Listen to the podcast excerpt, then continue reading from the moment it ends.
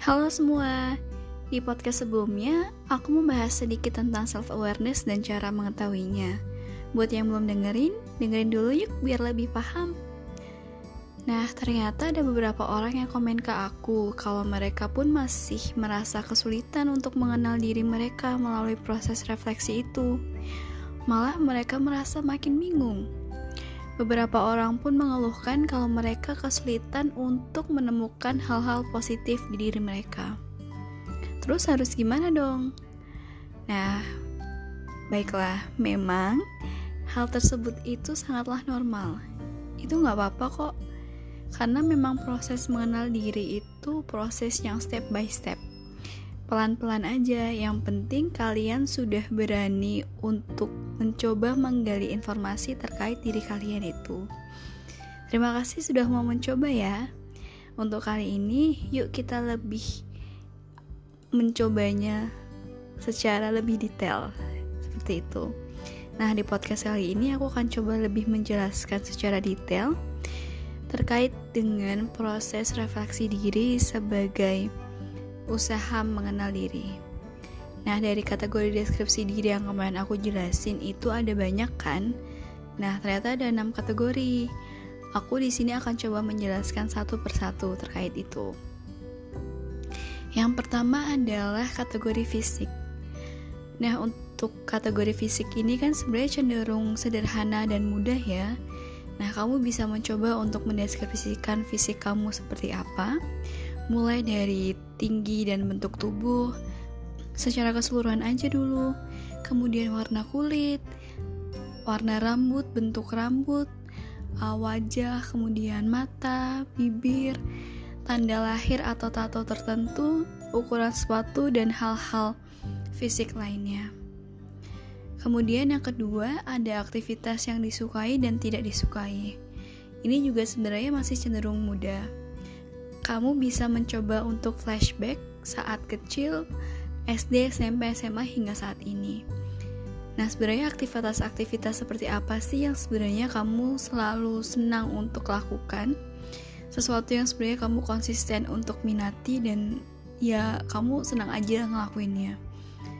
Untuk mengetahui ini, sebenarnya kamu bisa melihat ekstrakurikuler yang selalu kamu ikuti saat sekolah atau hobi yang kamu miliki atau sekedar kegiatan-kegiatan yang kamu senangi. Jadi aktivitas yang disukai ini bisa berupa aktivitas olahraga, seni, atau aktivitas-aktivitas sederhana lainnya, kegiatan rumah, kegiatan dengan orang lain, dan lain sebagainya. Jadi aktivitas ini sangat luas dan bervariasi. Kemudian untuk yang ketiga itu keahlian atau kemampuan tertentu yang dimiliki. Nah, kalau ini emang agak sedikit tricky ya, karena biasanya akan mulai muncul rasa minder atau ragu akan kemampuan diri sendiri, sehingga kamu akan ngerasa kesulitan untuk menggali informasinya. Cuman gak apa-apa kok, kamu coba sebisa kamu aja. Nah, untuk tahu keahlian atau kemampuan tertentu yang dimiliki, indikatornya itu nggak harus kemampuan yang benar-benar expert atau ahli banget tapi bisa dari sesuatu yang kamu rasa kamu bisa lakukan walaupun itu masih dalam proses belajar nggak apa-apa bisa juga kamu nilai dari aktivitas-aktivitas yang kamu sukai tadi. Nah keahlian atau kemampuan diri ini bisa berupa hard skill maupun soft skill. Kalau hard skill itu misalnya kemampuan uh, fisik atau keahlian yang membutuhkan uh, ketangkasan tangan. Misalnya kalau aku sendiri aku ngerasa aku cukup bisa berenang dan memasak dan menyetir mobil. Kemudian kalau yang soft skill ini bisa berupa hal-hal yang terkait dengan psikologis, misalnya aku merasa aku memiliki kemampuan yang cukup baik dalam berbicara di depan umum walaupun masih merasa uh, cemas di awal dan aku merasa cukup bisa bahasa Inggris juga seperti seperti itu. Jadi uh, ini juga sangat luas bahasannya. Kemudian yang keempat itu adalah prestasi yang pernah diraih. Nah, prestasi yang pernah diraih ini bisa kamu runtut juga dari zaman kamu kecil, SD, SMP, SMA hingga sekarang. Bisa terkait dengan prestasi akademik maupun non-akademik. Nah, prestasi di sini bukan cuma sebatas nilai atau ranking, tapi lebih kepada pencapaian yang kamu dapatkan atau yang kamu raih dalam hidup. Atau hal-hal yang berani kamu lakukan di luar zona aman, zona nyaman. Hal-hal yang mungkin kamu berani coba dan berani kamu lakukan. Contohnya nih, kalau terkait akademik, aku memang merasa kalau diri aku cukup pintar di sekolah.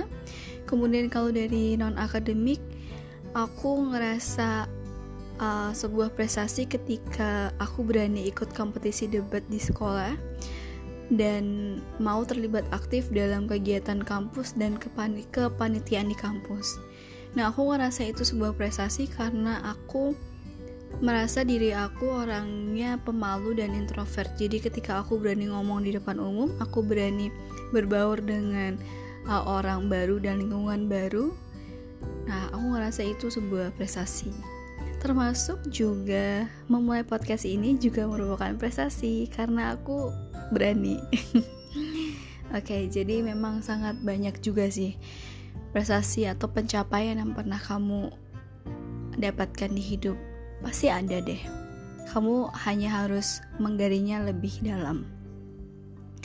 Kemudian yang kelima terkait dengan sifat positif dan negatif yang dimiliki. Nah, untuk kategori ini memang agak sedikit butuh effort ya untuk menggalinya. Nah, cuman sama seperti kategori-kategori sebelumnya, kamu bisa aja mencoba untuk meruntutnya sejak kamu kecil hingga saat ini.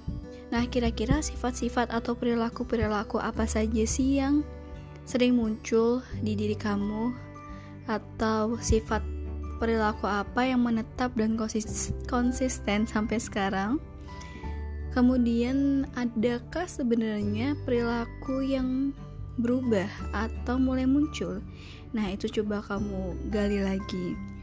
Nah, untuk kategori ini, kamu juga bisa mengetahuinya dari cara kamu bereaksi ketika kamu senang, sedih, atau marah bisa juga dari cara kamu menyelesaikan masalah atau konflik dengan orang lain, cara kamu berkomunikasi atau berinteraksi dengan orang lain, dan sebagainya.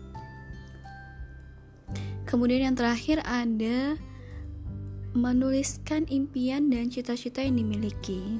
Nah, kalau ini sebenarnya cenderung mudah dan menyenangkan, ya. Kamu bebas menuliskan semua impian dan cita-cita yang ingin kamu wujudkan tapi perlu diingat bahwa sebisa mungkin usahakan untuk tetap realistis dan spesifik ya. Jangan terlalu umum dan jangan terlalu yang uh, bertele-tele seperti itu. Nah, cita-cita atau impian ini sebenarnya bisa berupa berbagai hal, mulai dari segi impian fisik, sosial ekonomi, pendidikan atau akademik, pengembangan diri, keinginan untuk membahagiakan orang tua atau keluarga, impian untuk mengunjungi tempat tertentu, dan sebagainya.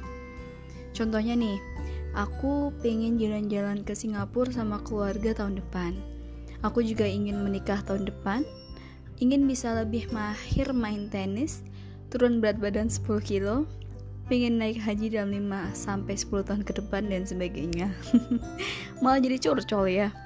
Tapi kurang lebih seperti itu. Jadi itu kan spesifik, kemudian realistis juga dan ada time line-nya, time base-nya. Nah, perlu diingat bahwa sebenarnya kamu sendirilah yang bisa mengukur kemampuan diri kamu dalam mewujudkan impian-impian itu. Makanya tadi di awal aku bilang harus realistis sesuai dengan sesuai dengan kemampuan kamu juga. Yang terpenting adalah kamu mau dan kamu siap untuk berproses serta berusaha mewujudkan impian-impian itu. Nah, setelah tahu secara lebih menyeluruh seperti ini, kamu jadi tahu kan sebenarnya di aspek mana atau area mana yang kamu perlu untuk kembangkan atau perbaiki. Nah, hal ini di, diperlukan atau uh, bisa digunakan untuk membantu kamu mewujudkan cita-cita kamu seperti itu. Oke, okay, kalau kamu punya komentar atau pertanyaan bisa drop di email atau di uh, sosial media aku nanti aku drop Instagram aku di bio. Oke, okay, thank you for listening. Have a great day.